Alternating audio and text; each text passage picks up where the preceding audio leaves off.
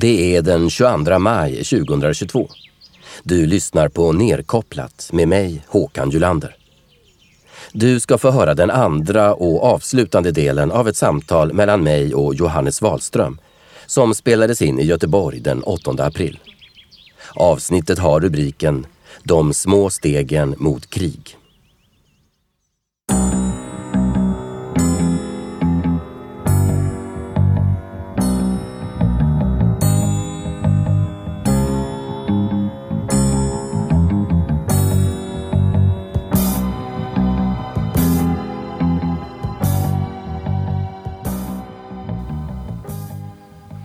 Men ser du inget hopp då med eh, ja, Youtube-journalistiken? Youtube censurerar ju det mesta nu också. Men internet, alltså bloggare, poddare, Folkets Radio.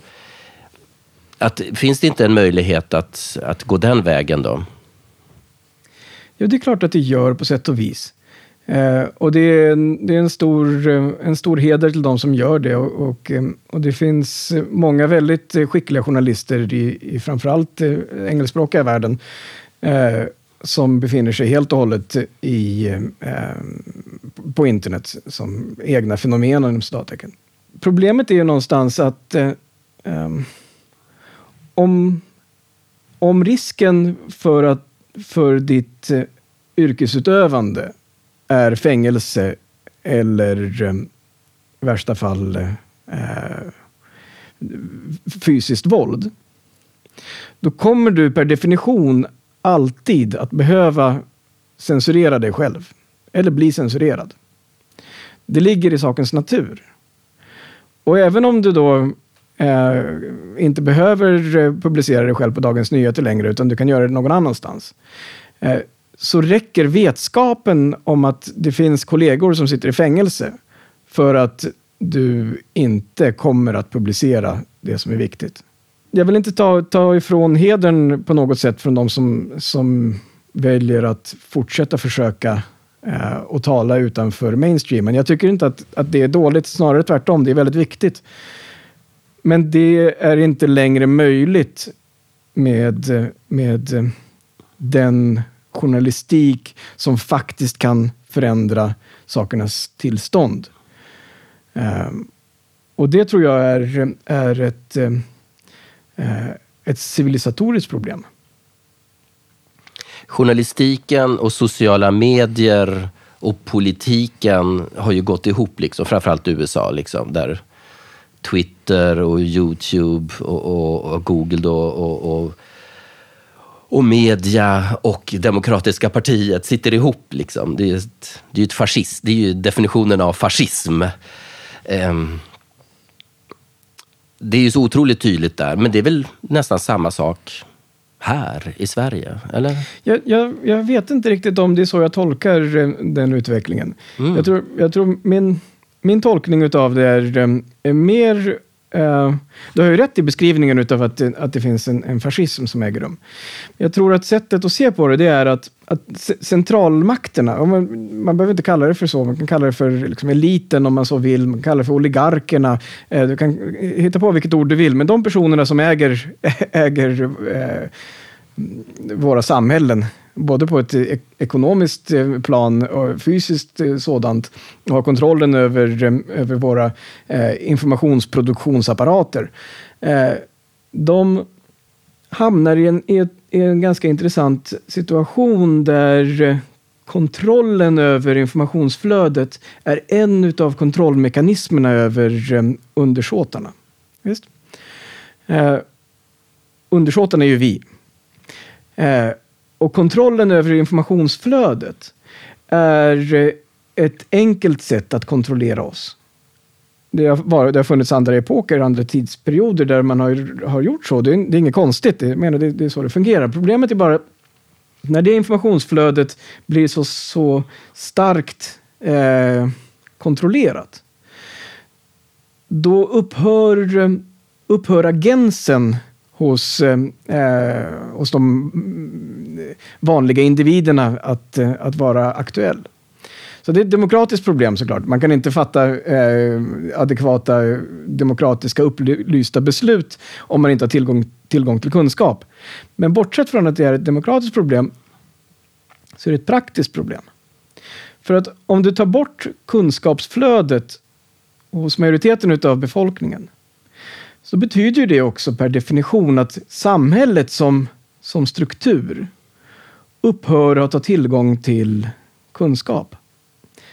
Titta på, på det som händer i, i Ryssland och Ukraina nu. Nu vet inte jag tillräckligt mycket för att, eh, för att eh, kunna säga det här med, med säkerhet, men det ryska samhället är eh, i mångt och mycket ett spegelsamhälle utav, utav det som vi utvecklas mot än mer här. Det är ett samhälle med väldigt starkt eh, begränsad informationsflöde eh, som kontrolleras av centralmakten. Och då har man en, en centraliserad propagandastruktur som berättar för medborgarna vad som äger rum och vad, som, vad man bör tycka och tänka. Och det gör ju också att det finns ett, ett informationsunderskott i samhället i stort. Men vad betyder det då för, eh, för den regerande makten, den exekutiva makten? Den exekutiva makten behöver ju också tillgång till information och kunskap för att kunna fatta adekvata beslut. Eh, och I det här fallet då så har man baserat på bristande kunskap och bristande information fattat ett beslut om att man kanske då har, har trott att man har kunnat göra, bedriva krigföring och att allt ska vara bra. Ja. Eh, konsekvensen utav eh, att kapa vanliga människors tillgång till kunskap är systemisk. Det är det jag menar. Det är inte så att eh, att Jeff Bezos och familjen Wallenberg och Putin, eh, att de vet en herrans massa mycket mer eh, när de stänger ner allt informationsflöde till oss. De vet kanske mer än vad vi gör. Men som samhälle och som struktur så vet hela samhället och hela strukturen mycket mindre. Och det gör att, att deras beslutsunderlag förvandlas till skräp. Och det, det är det som rent, rent eh, eh civilisatoriskt är så ofantligt farligt. För då har du plötsligt inte heller en möjlighet att bedöma fatala eh, beslut. Du kan inte bedöma vad som är viktigt och inte viktigt, åt vilket håll du som ledare då, om det nu är, är det som vi oroar oss för, eh, åt vilket håll du ska gå. För du måste då förlita dig på dina eh, närmsta rådgivare som och sin tur då, låt säga, har några think tanks som hjälper dem att tänka. Okej, okay, men var får think tanksen sin kunskap ifrån? det, det, blir ju liksom ett, eh, ett självslutande system. Och det var ju det här Wikileaks skulle råda bot på. Det, ja, det, och det var, det var det som eh, var den, den liksom... Eh, det var det som var den stora förhoppningen. Men jag tror även att om man går tillbaka i tiden till innan Wikileaks så var det betydligt bättre än vad situationen är idag. Vilket är det tragiska i, i sammanhanget. Det, det som idag har dykt upp det är ju en eh, det är ju en medveten inskränkning utav informationsflödet. Och det ser man ju på, eh, på väldigt praktiska fysiska eh, ting. Oavsett om det handlar om antalet eh, eh journalister som har blivit eh, liksom, bortmanövrerade inom, eh, inom sina positioner eller om det rör sig om obehagliga Youtube-kanaler som har stängts ner eller fängelsestraff för misshagliga journalister. Så... Den här märkningen nu som alla, som massa amerikanska journalister får om att de, har de någon gång jobbat för RT Amerika så får de ju mm. state affiliated. Ja. Men, men själva, den, själva den metoden, den är, eh, den är repressiv. Och, eh, eh och den är repressiv på grund av att informationsflödet är så snabbt. Och tittar man tillbaks eh, på, på den, det system som har funnits innan det så har informationsflödet varit betydligt långsammare. Eh, men, eh, repressionen har kanske inte varit fullt lika, lika stark. Så det har funnits en, en tidsmässig, eh, ett tidsmässigt intervall som ändå kunskapen har liksom kunnat sippra ut på. Om man tar eh, liksom, eh, Tonkinbukten. Det tog en, visserligen en herrans massa år innan, innan det kom ut att det var, eh, det var en, en, en, falsk förevändning för att starta Vietnamkriget. Eller för den sakens skull eh, massförstörelsevapnen i, eh, i Irak. Det tog eh, visserligen inte så fullt lika lång tid, men det tog ändå ett år innan det var fullständigt uppenbart för mänskligheten att det där inte var sant. Vi, vi har ju ett, vi har ett levande exempel på det från USA Eh, och det är klart, det är tråkigt att använda sig av USA som exempel för de, de blir ju på något sätt ett, liksom ett, eh, ett väldigt svart exempel och vi får hoppas att, att vi i Sverige klarar av att inte sjunka lika snabbt i varje fall som de i det sammanhanget. Men vi har ett levande exempel som är eh, eh den amerikanska presidentens son eh, och dennes eh, förehavanden i just Ukraina. Där innan valet så eh, replicerades eh, den här uppgiften i alla amerikanska medier, men sanningen är att det var exakt likadant även i svensk media. Eh, och, och de uppgifterna hade en direkt bäring på en korruptionsaffär rörande en presidentkandidat i ett land som faktiskt nu visar sig vara centralt i förhållande till den, den presidentens eh, administration och, och dennes eh, ämbete. Eh, och den uppgiften stängdes ju ner med fysisk våld, helt enkelt. Eh, i den mån som det går att, att stänga ner. Alla informationskanaler, alla, allt informationsflöde som eh, hade en möjlighet att, att disseminera detta stängdes ner. Eh, den, en av de äldsta och största tidningarna i USA som då är New York Post eh, fick sina e-postservrar nedstängda. De kunde inte ens e-posta den här uppgiften. Eh, för att inte nämna liksom, mer... Twitter och... Ja, mm. visst. Så det, det, det, är, det är ett fysiskt, ett fysiskt eh, sätt att hantera den frågan.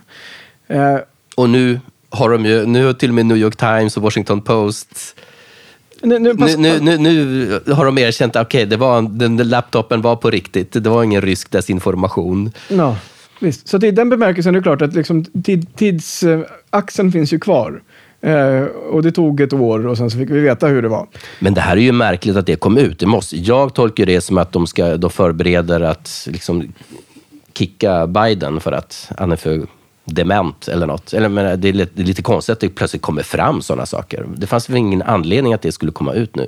Men det här är spekulationer, jag vet mm. inte. Nej, det, det, det, är en svår fråga. Men det, det, det stora problemet, det, det systemiska problemet som um, den, den rådande de rådande makteliterna har är att eh, det, det, finns i princip ingen tilltro till, eh, till det systemet längre. Det finns ingen tilltro till de rådande makteliterna. Det finns ingen, ingen eh, social, koherent eh, förklaring kring varför somliga människor ska vara så ofantligt mycket rikare och mäktigare än andra.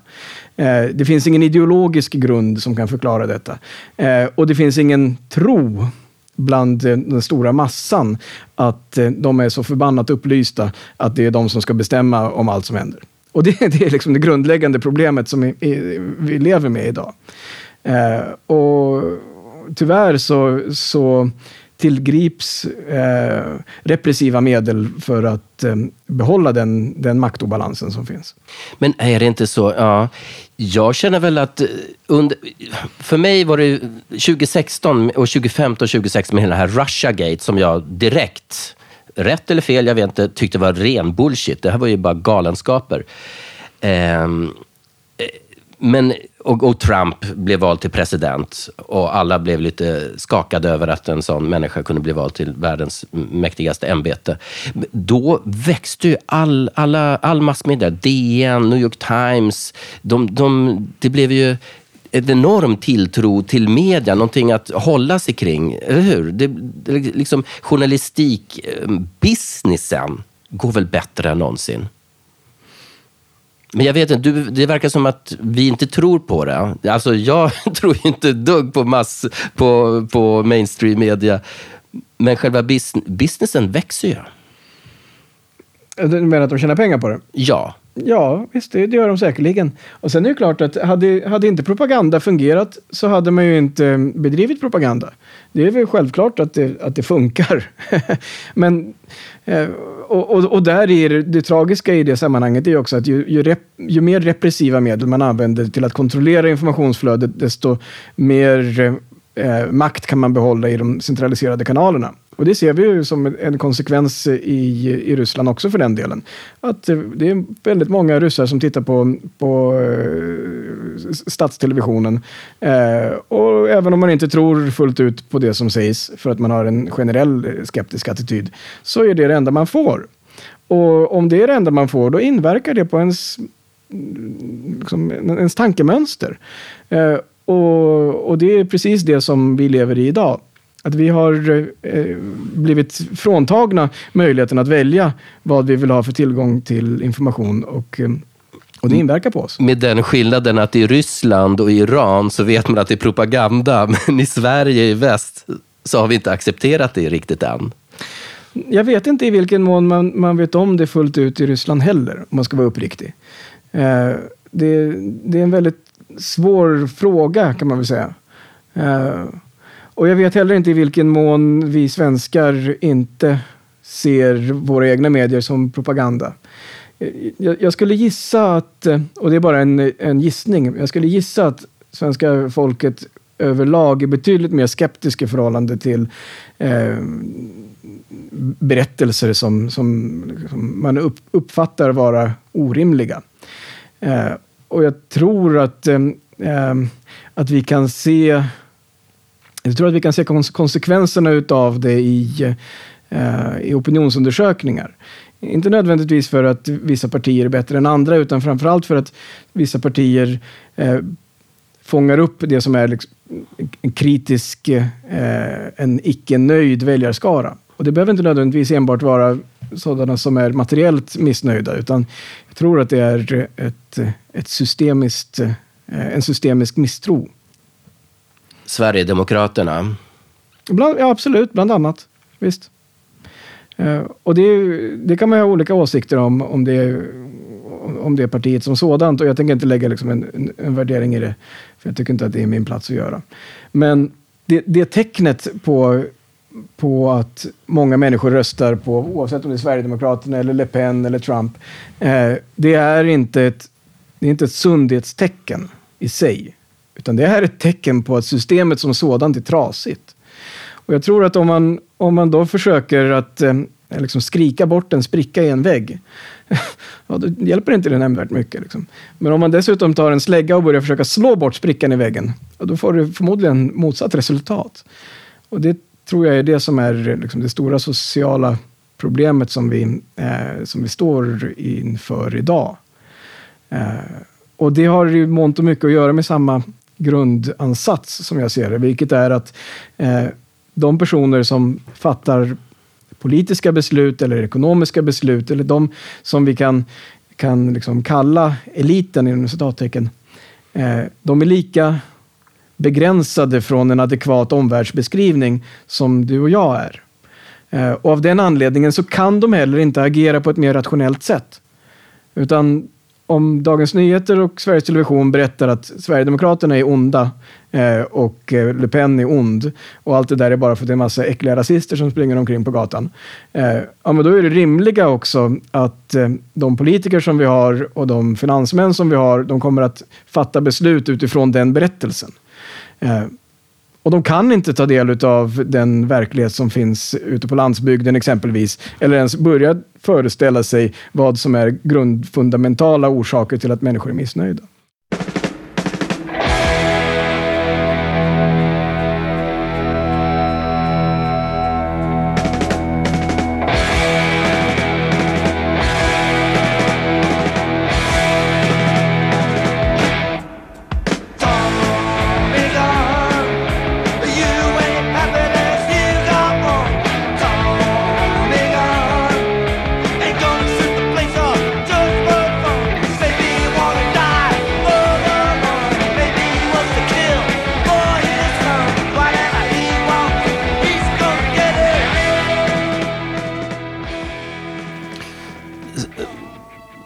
Samma princip i Ryssland-Ukraina-kriget här. Det går inte att eh, i seriös etablissemangsmedia, eller vad man nu ska eh, kalla det, att se hur, att, att, att tänka hur, hur Ryssland tänkte. Jag menar, man kan vara, ta absolut ställning mot kriget, men man, det känns som att man inte ens får tänka tanken, hur de tänker. Att man, inte, man sätter sig inte i, i motståndarens eh, läger och liksom funderar på ja, NATO-utvidgning.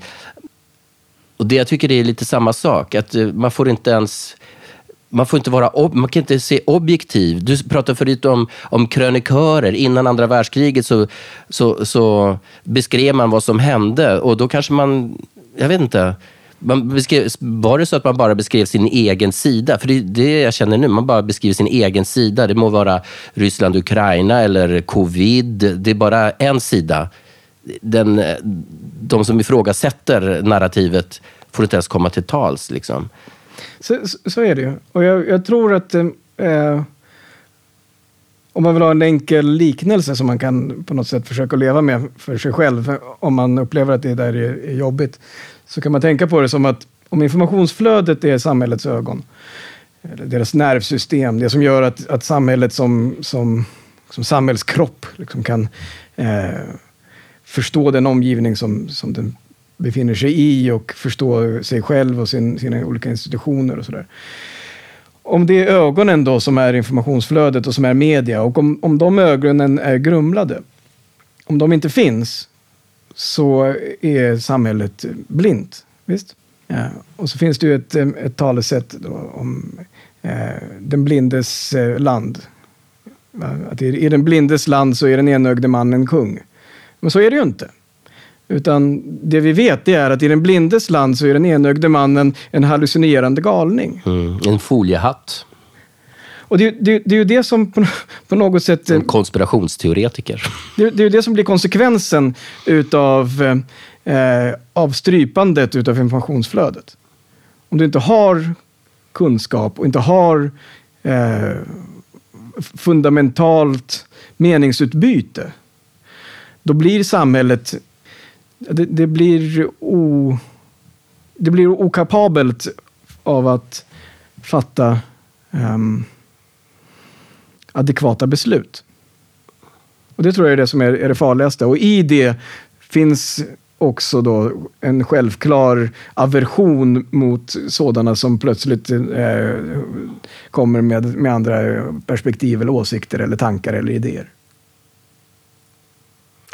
Det riktigt obehagliga är ju att, eh, att på den senaste tiden så, så har det här det har ju blivit personligt. Man, man, I och med att sociala medier har blivit så utbrett så man vågar ju inte... Alltså det är så ovanligt för mig som är född på 60-talet och vuxit upp under... Eh, ja, jag har haft en, det har varit väldigt fritt i Sverige att tänka och prata och, och liksom... Men det känns som att jag censurerar mig själv i mitt vardagliga liv idag med mina vänner. Och jag vågar inte, jag vågar inte säga, vad, vad har du fått dem där? Vad, vad är det där för information? Är du, är du för Putin eller är du antivax eller vad det nu kan vara. Liksom. Och det är väldigt, väldigt, väldigt obehagligt och gör att jag är... Hur känner du? Har du? Du är ju journalist, men eh, du är väl van vid att liksom oh, ha kontroverser med, med eller ha, ha debatt med, med, vänner och kollegor och sådär. Men... Ja, ja, det, det, du beskriver, det, det är kanske en, en del av den svenska kulturen i grunden. Eh, och det är att vi vill eh, väldigt gärna vara, vi vill tycka lika. och det, det är någonting som är, är djupt rotat i, i, i vår kultur. Um, och det finns någonting fint i det också det, det, tycker jag inte att man ska sticka under stol med. Ehm, konsensus kan man kalla det för. Eh, konformism om man inte gillar det. Ehm, men jag, tror att eh, om man upplever att det är jobbigt och man upplever att, eh, att den här självcensuren är, är någonting som, som man reflekterar över så tror jag att det bästa man kan göra, det är att bryta den isen för andra. Och det tror jag kan vara ganska befriande för de människor som man möter.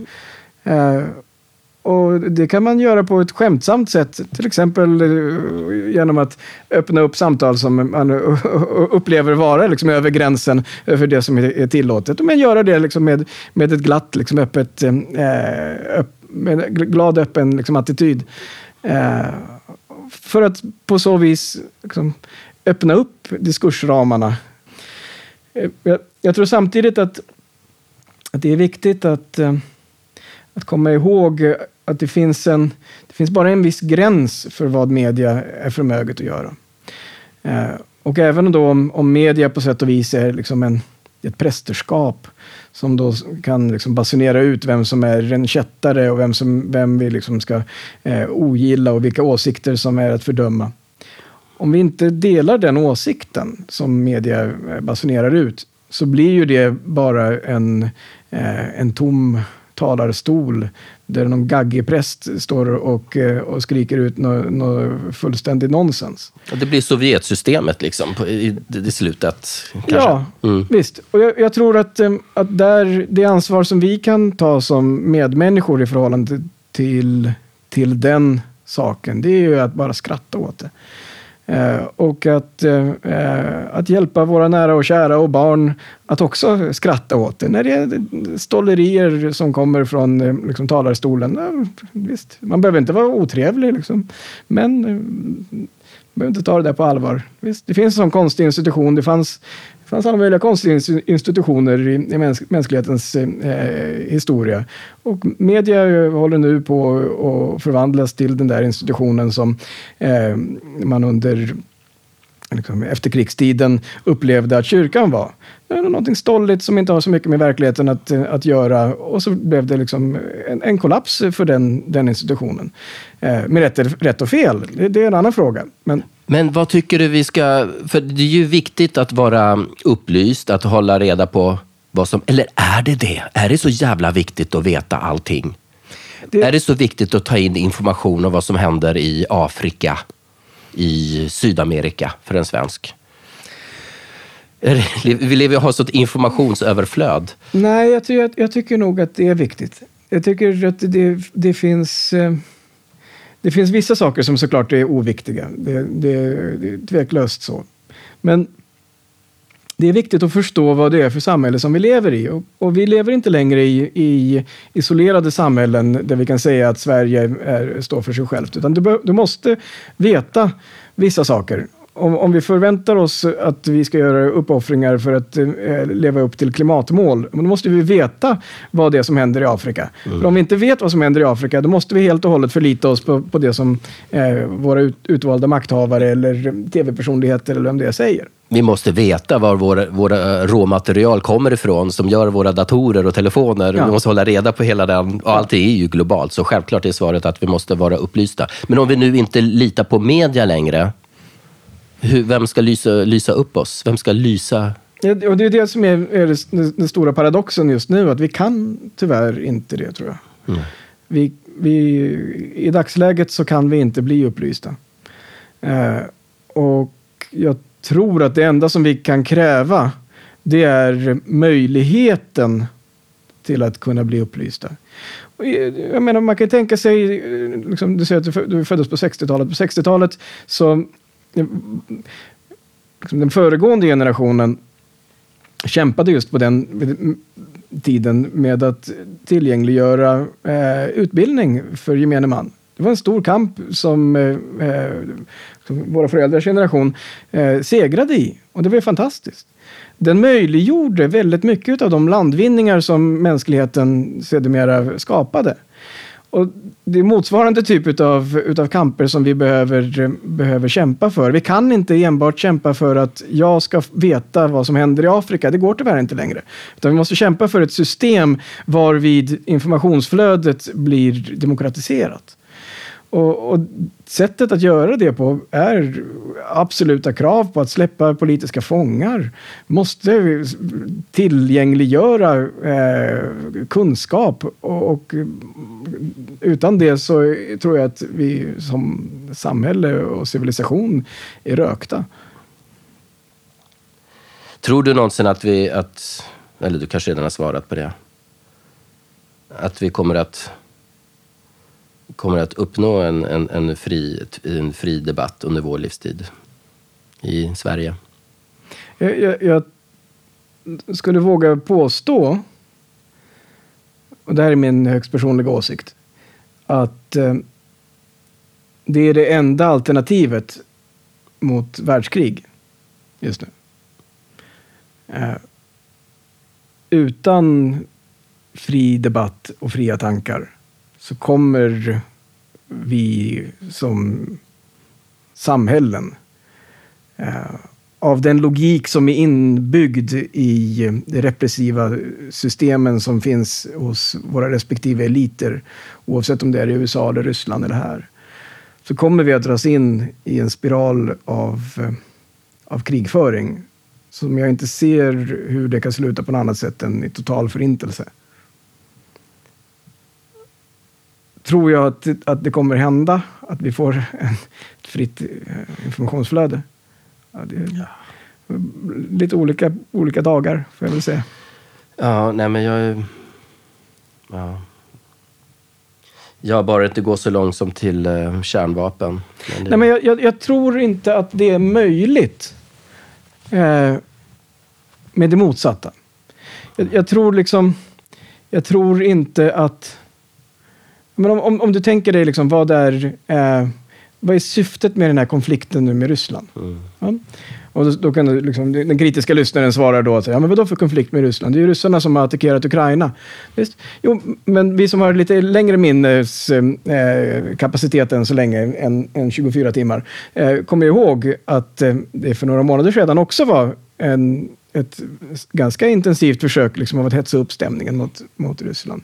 Och I Ryssland har det varit exakt likadan eh, upphetsning eh, åt andra hållet. Och, och en likadan upphetsning eh, och ett försök av att eh, få oss kollektivt att ogilla eh, Kina eller Iran eller liksom you name it. Det finns rätt många olika platser som vi kollektivt ska... Venezuela. Ja, visst. Eh, och de här små stegen utav, utav ogillande som i sig inte betyder någonting men som tillsammans leder till specifika handlingar. sanktioner eller placerandet utav trupper eh, eller eh, avrättningar utav eh, någons militärledare eller vad det nu kan vara för någonting. De handlingarna är små handlingar som leder till krig. Vad innebär det? Att man kräver att ett lands olympiska delegater inte ska få delta i ett olympiskt spel. Jo, det är klart att det är en handling som leder till krig. Visst? Det är en sån förolämpning så det liknar ingenting. Men det spelar, ingen, det spelar ingen roll egentligen. Men, det, det, men handlingarna, de spelar ju roll. Visst? Och varför, varför säger jag det? Jo, därför att jag, jag tror att det där, den logiken den logiken utgår ifrån att det finns ett värde för de respektive eh, finansiella eliterna i respektive samhälle att försöka att eh, få, få, större kontroll över sina marknadsandelar, få eh, mer tillgång över naturresurser, eh, att eh, tjäna mer pengar än vad man har gjort hittills. Och själva kriget som sådant mot fienden inom citattecken är ju egentligen å ena sidan såklart ett, ett, ett liksom, det är ju något som är en, en, total katastrof. Hela mänskligheten går ju under. Men det är inte så man ser på det. Utan sättet som man ser på det ur, ur liksom de små stegen som, som eh, liksom en investmentbank gör. Eller de små stegen som en, en eh, streberpolitiker gör så är det, det är de små eh, handlingarna som möjliggör för dem själva att starkare kontrollera det som man redan kontrollerar idag. Det vill säga de naturresurser som man redan kontrollerar idag, de personer som man har eh, som sina undersåtar, deras informationsflöde, eh, deras eh, eh önskemål att eh, dela med sig mer utav, eh, utav sina personliga ägodelar och sin energi och sin arbetskraft. Och så länge som den logiken finns kvar så kommer de här ganska blodtörstiga eh, liksom spegeltvillingarna som vi ser då i öst och väst, som inte har någon anknytning till demokrati egentligen. De kommer att driva på sina, sitt egenintresse. Och det egenintresset är att ackumulera mer och mer makt åt sig själva. Och den, det egenintresset leder per definition till en starkare kontroll över det egna samhället som i sin tur behöver genomföras genom eh, en konflikt med varandra. Som i sin tur leder till krig. Så jag, jag, tror att det inte finns en stark centraliserad eh, medveten agens hos eliten som gör det här för att man tänker nu vill vi ha världskrig eh, för att det vore trevligt med världskrig. Nej, jag tror faktiskt inte det. Jag tror att det här är, det här är logiken i eh, gangsterkapitalismens eh, eh, system. Det, det är så här man skapar sig mer makt. Och genom att man har strypt informationsflödet hos sig själv så har man inte en blekaste aning om vad man egentligen gör. Eh, och det i sin tur leder till det som vi befinner oss i idag. Jag tänker på, på det som en maskin. De är inte så mäktiga. Jag tror själva, maskin, själva strukturen i sig är mäktigare. Vi är liksom övermannade av, en, av ett tänkande, av en, av en, en struktur som gör att det, att det blir så här automatiskt. Det, det, det måste liksom in en pinne i hjulet. Liksom. Det måste, liksom, maskinen måste gå sönder. Vad, vad, vad, känner du, vad säger du om um, World Economic Forum och hela den, att både Putin och eh, alla företagsledare och, och, politiker i väst och, och, på många andra ställen har, eh, är kopplade till, eh, till Ja, men det, det, frågan är väl på sätt och vis eh, det är väl en självklarhet på sätt och vis, som jag ser det. Det de är och utgör en, en liksom kleptokratisk eh, elit inom sina respektive nationalstater. Eh, och, och, det är väl inget konstigt i att de, eh, att de upplever att de är en del av samma elit. Eh, det som det som vi glömmer bort, tror jag, i hela den här eh, eh, skuggkonflikten eh, på sätt och vis då, mellan öst och väst, det är ju att Sovjetunionen finns ju ta med sjutton inte längre. Sovjetunionen raserades. Det finns ingen kommunistisk liksom, stor eh, stat som liksom, hotar vårt system. Utan det som byggdes i Ryssland och som idag är Putin är skapat utav Anders Åslund. Jag menar, det är den där liksom, svenska gubbar och tanter som har suttit och, och, berättat hur man ska liberalisera på rätt sätt.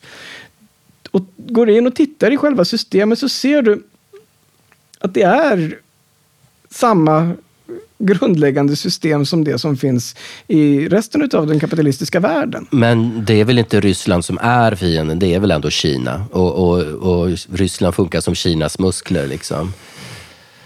Jag tror att fienden, jag, jag tror ty, tyvärr, så tror jag att det finns bara en fiende.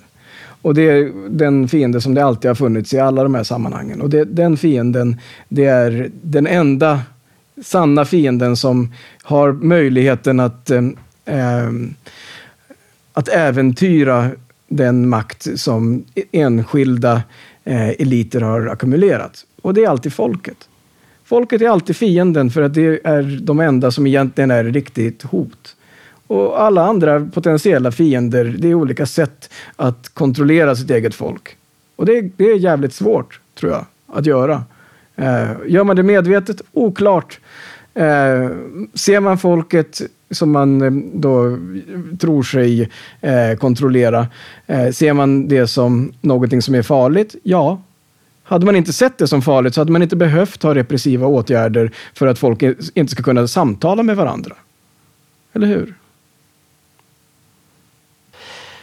Men det här handlar ju om journalistik. Det här blir det sista.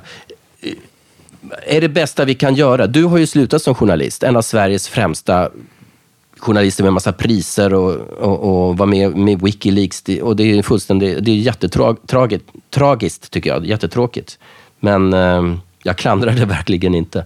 Men vad, hur ska vi, liksom, eh, innan förintelsen, om det nu sker, hur ska vi leva som människor för att liksom ändå ha någon slags, någon slags hopp om att eh, liksom skapa en bättre framtid för våra barn och för oss själva. Ska vi liksom negligera mainstream media och, och, och ska vi, ska vi liksom eh, sluta kolla på nyheter? Ska, hur, hur, fan ska vi, hur ska vi för att må bra, tycker du? Det här är en väldigt mm, mm. filosofisk fråga. Ta oss an det här. Liksom. För jag själv, jag försöker ju leva nerkopplat. Jag, eh, jag har ju, min, min podd heter Nerkopplat, men jag är ändå jag är ju nyhetsjunkie. Um, liksom. Mm. Speciellt när det blir krig. Ja, men jag är ju kille. Liksom. Jag vill, och jag, och jag, får, jag blir arg som fan och det här är propaganda och det här är hit och dit. Liksom. Och det är inte bra. Jag, jag tror att eh, det finns eh, eh, två sätt att se på, eh, på den, den frågan idag. Och, ehm, och den har helt och hållet att göra med, och de här två sätten har helt och hållet att göra med hur man själv förhåller sig till, ehm, till den makt som, som finns runt omkring en. Eh, om man utgår från att um, de som representerar oss, oavsett om det då är eh, Jeff Bezos eller Mark Zuckerberg eller Bonnier eller eh, Magdalena Andersson. Och det är klart att det finns ju viss skillnad mellan alla dessa. Men om man utgår från att, att de i varierande grad vill oss väl och har våra specifika, vårt specifika välmående i, i, sin, eh, i sin främsta eh, Ehm, som sitt främsta mål. Eh, då kan man nog eh, med ganska eh, lugn övertygelse eh, strunta i att titta på, på tv och surfa på internet och eh, läsa tidningen. Av den enkla anledningen att om de vill oss väl och de vet allt som händer så behöver man ju inte ta del av det som händer. Utan då kan man slappna av och så låter man det vara som det är. Om man inte utgår ifrån att eh, den rikaste procenten, fast egentligen så är det en promillen mm. utav eh, våra samhällen, eh, har just våra intressen i eh, främsta led. Då kan man nog inte heller ta del av något informationsflöde. För det informationsflödet som finns är skapat av dem i dagsläget och kontrollerat av dem i dagsläget. Och det är en del av en krigföring. Så att om du är intresserad av vad som händer i Ukraina idag så blir du en del av det kriget när du läser nyheterna. Eh, det finns ingen rå information för dig att tillgå bara för att hålla dig själv eh, kunnig om någonting. Och du kan inte balansera det där genom att eh, läsa rysk eh, media eh, och, och, tro att du får en, en allsidig bild av verkligheten. Utan det du får i sånt fall, det är två krigspropaganda. Som kommer att göra att du förmodligen kommer må ännu sämre. Så jag, jag, jag tror tyvärr att, att svaret i, i, på dem i det fallet blir att Eh, oavsett om du tror på den här promillen eller inte så finns det nog ingen anledning att ta del av det informationsflöde som cirkulerar runt omkring dig nu. Betyder det att du inte ska göra någonting alls? Nej, det tycker jag inte. Utan det du kan göra innan, förutom då såklart att, att kräva ett, ett systemiskt skifte. Eh, på samma sätt då som eh, vi pratade om våra föräldrar krävde fri tillgång till utbildning. Så måste vi kräva fri tillgång till information. Vi måste kräva att de eh, Google och Facebook och eh, alla andra stora digitala monster, om de ska fortsätta att existera överhuvudtaget i vårt samhälle, i Sverige, ska det vara lagligt att de ska finnas, så måste vi kräva att de ska släppa all censur och ge oss tillgång till allt helt, eh, helt öppet. Men vi måste också kräva politisk reform som gör att det är juridiskt möjligt att bedriva eh, informationsutbyten utan fara för repressioner. Vi måste också för den sakens skull, tror jag, och det kanske är, eh, är det mest praktiska, eh, ta tillvara på våra medmänskliga relationer som inte är medierade. Och väldigt mycket av det som vi vet om omvärlden kommer ju från eh, någon annan som berättar det genom någon form av medium. Men vi vet ofta ganska mycket om saker och ting som finns i vår närmiljö på ett eller annat sätt som vi faktiskt har en direkt relation till. Och jag tror att eh, i en sån här kritisk situation då systemet inte klarar av att leva upp till det här komplexa informationsflödet så kanske vi kan ta, kanske kan försöka att ansvara inför att, eh, att förbättra eh, och råda bot på de problem som finns i vår närmiljö. Och det behöver du inte ha tillgång till massmedia för att göra. Utan man kan samla ihop sina grannar. Eh, om det nu är eh, något som liksom inte funkar genom Hyresgästföreningen eller om det är någonting annat som behöver hanteras. Jag, jag tror tyvärr att vi är i ett alldeles för socialt kritiskt läge idag eh, för att kunna göra någonting annat än att eh, kräva politiska reformer och att, eh, att samarbeta människa med människa för att försöka råda bot på det som vi kan råda bot på. Tack Johannes Wahlström. Vi stoppar där. Uh, tack för att du delade med dig av hur du tänker och känner. Det var jätte, jätte, jättebra. Ja, det, det, är slut. Mm. Nu är det slut. Bra. Ja.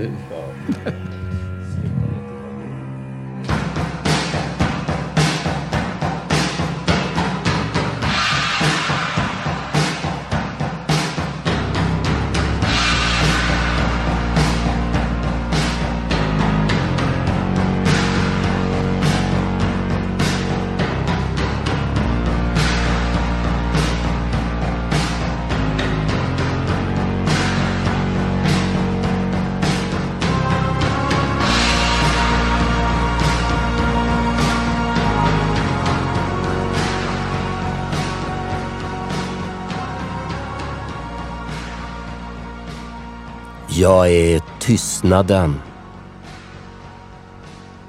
i fisken som simmar över djupa havsblomstigar genom lundarna av tång.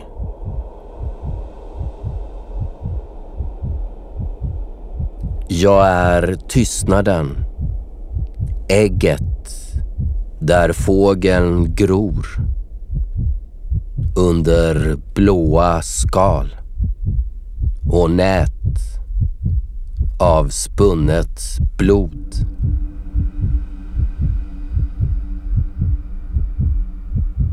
Jag är tystnaden som stumma blommor känner när träden sjunger sina stormar.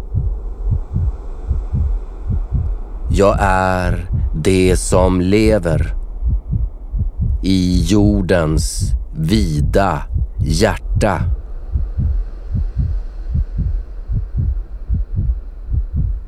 Jag har ej kyla, ej förruttnelse och hårdhet. Jag är stenens tystnad. Den hårda stenen är mitt fruktansvärda skrik.